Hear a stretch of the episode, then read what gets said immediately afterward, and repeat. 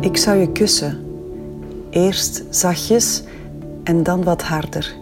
Ik zou bijten in je lip. Ik zou je haren naar achteren strijken en met mijn lippen langs je rechteroorlel gaan, voordat ik ook daar zachtjes in bijt. Ik kus je nek, ik doe je knoopjes los. Waarom zoveel knoopjes? Je weet toch dat ik daar geen geduld voor heb. Je draagt geen BH. Ik dacht het al te zien toen je binnenkwam en je je sleutels neerlegde op de lage tafel in de gang. Ik doe je blouse uit, streel je borsten, ik masseer ze. Ik lik ze traag en wrijf over je hard geworden tepels. Je ademhaling versnelt en ik ga door mijn knieën. Zoen je buik, maak mijn weg omlaag tot waar je rok begint. Ik ga met mijn handen onder de stof. Ik trek je onderbroek uit en zeg dat je mee moet komen.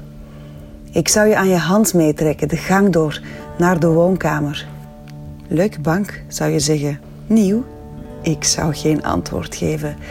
Ik zeg dat je moet gaan zitten en ik kniel voor je neer. Ik duw je benen uit elkaar en breng mijn mond naar je dijen. Ik wacht. Opdat je zegt dat dit een slecht idee is. Maar zegt niks. Met mijn tong volg ik mijn handen, die langzaam omhoog glijden. Ik lik de binnenkant van je dijen steeds iets verder totdat je hijgt. Ik duw mijn vingers in je terwijl ik je lik.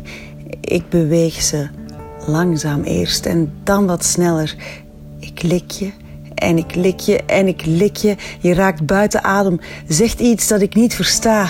Ik ga door net zo lang totdat ik voel hoe je alles samenspant en schokkend klaarkomt. Maar goed, ehm, waar ik eigenlijk over mail. Komen jij en Hans zaterdagavond eten? Neem gerust de kinderen mee. Die van ons zijn er ook. Zou super zijn als je het voor morgenmiddag laat weten. Dan houdt uh, Karel daar rekening mee met de boodschappen. Groetjes!